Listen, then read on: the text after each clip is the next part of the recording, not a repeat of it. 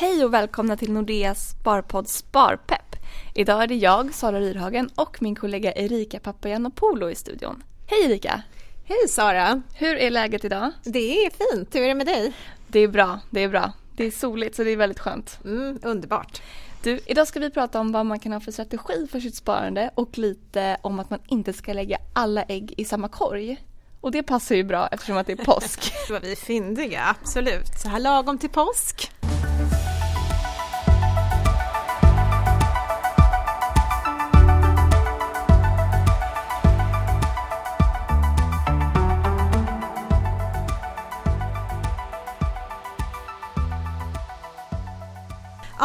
Och eh, dagens gäster är Maria Kundos och Jessica Karping som är fondförvaltare här i Nordea. Välkomna till Sparpepp! Tack! Tack Erika, jätte, jätteroligt att vara här idag. Och vi får väl även säga grattis! Ni förvaltar ju faktiskt en riktig vinnarfond, Stratega 30. Ja men tack Erika! Det är verkligen jättekul tycker vi alla i teamet.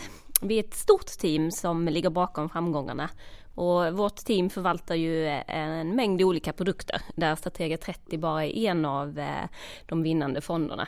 Totalt fick Nordea faktiskt eh, 12 stycken priser. Och priset som vi pratar om det är ett internationellt pris som heter Lipper Fond Award. Och delas ut till de fonderna som har högst riskjusterad avkastning i sin fondkategori. Och Stratega 30 fick pris i kategorin försiktig blandfond. Ja, nej men grattis igen, bra jobbat. Eh, men vi nämnde ju i inledningen att eh, man inte ska lägga alla ägg i samma korg. Och det är ett uttryck som används ofta just i fondsammanhang för att påpeka att det är bra att sprida sina risker. Kan ni berätta lite mer om hur man ska tänka kring det? Absolut. Ja, att inte lägga alla ägg i samma korg, det handlar ju inte om att vara en feg investerare, utan en smart investerare.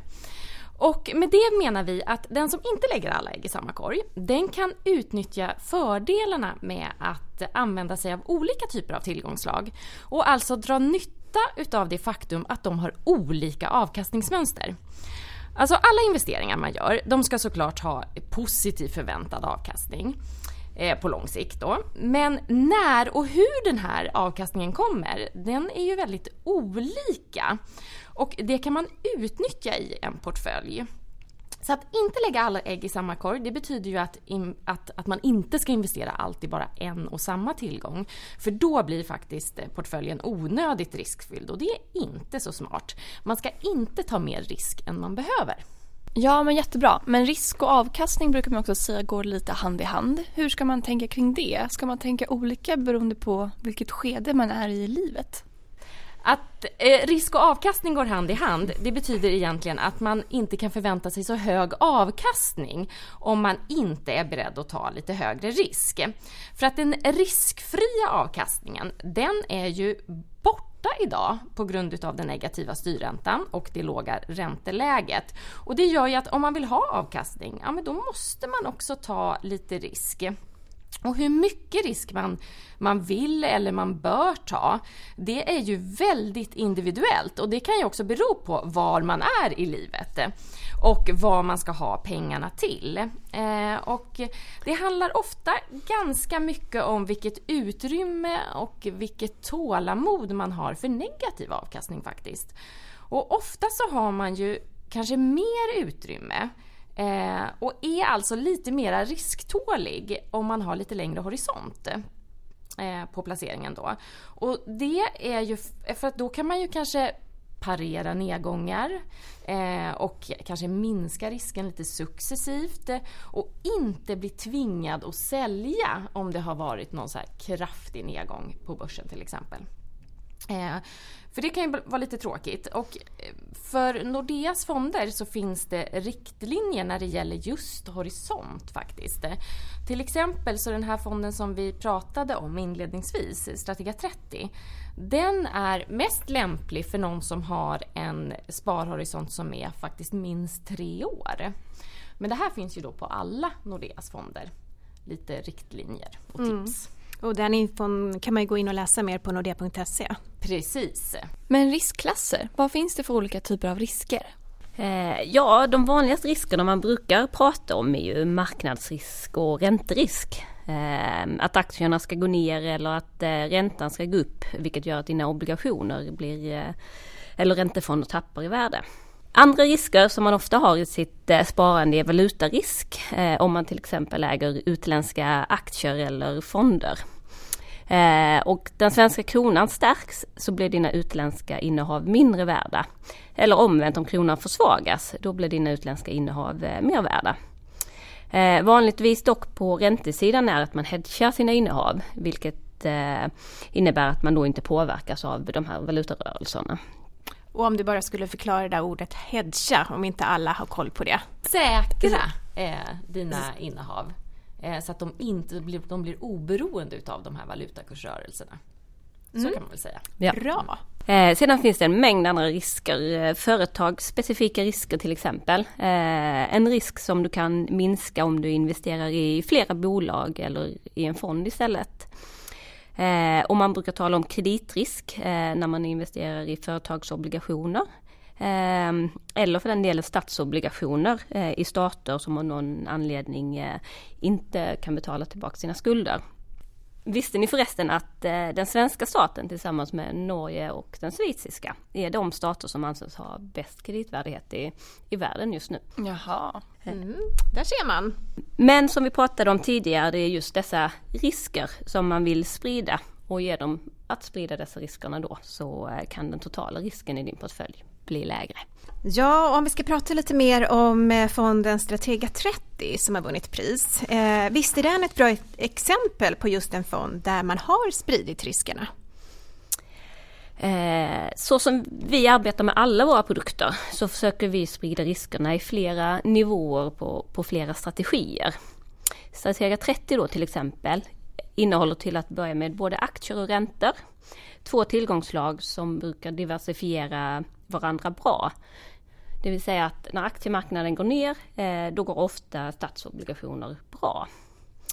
Eh, och Stratega 30 har i grundläget 30 eh, aktier och 70% räntor. Vilket innebär att risken är ungefär lika stor från, eh, från båda tillgångslagen. Tittar man sedan inom aktiebenet så har Stratega 30 såväl svenska aktier som globala. Och även räntebenet är väl diversifierat. Det finns både svenska och globala räntor, det finns företagsobligationer och det finns statsobligationer. Men och sedan beroende på vår vy kan då andelen i de här olika tillgångslagen eh, variera över tid.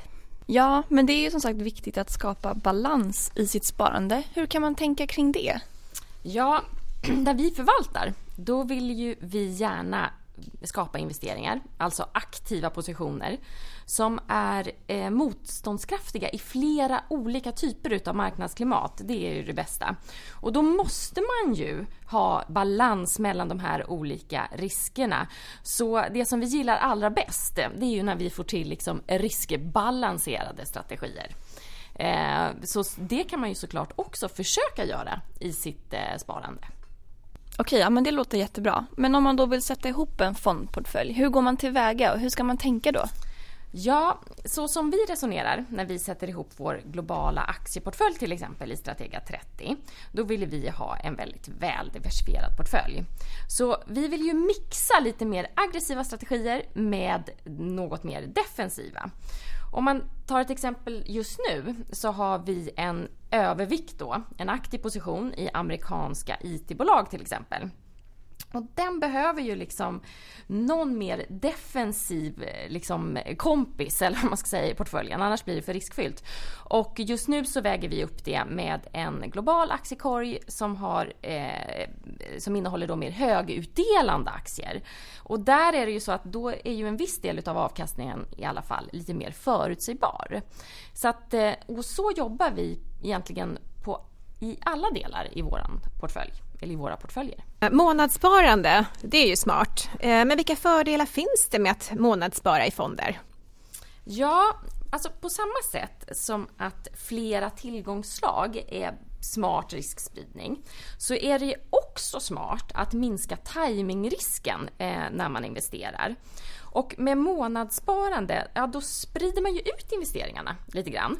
Så ibland får man köpa in sig på lite lägre kurser, ibland kanske man får betala lite mer. Eh, och det där kan vara väldigt eh, bra. Och vi gör faktiskt på samma sätt faktiskt i förvaltningen ibland när vi känner att vi vill sprida ut tillfällena. När vi till exempel vill öka eller minska en position.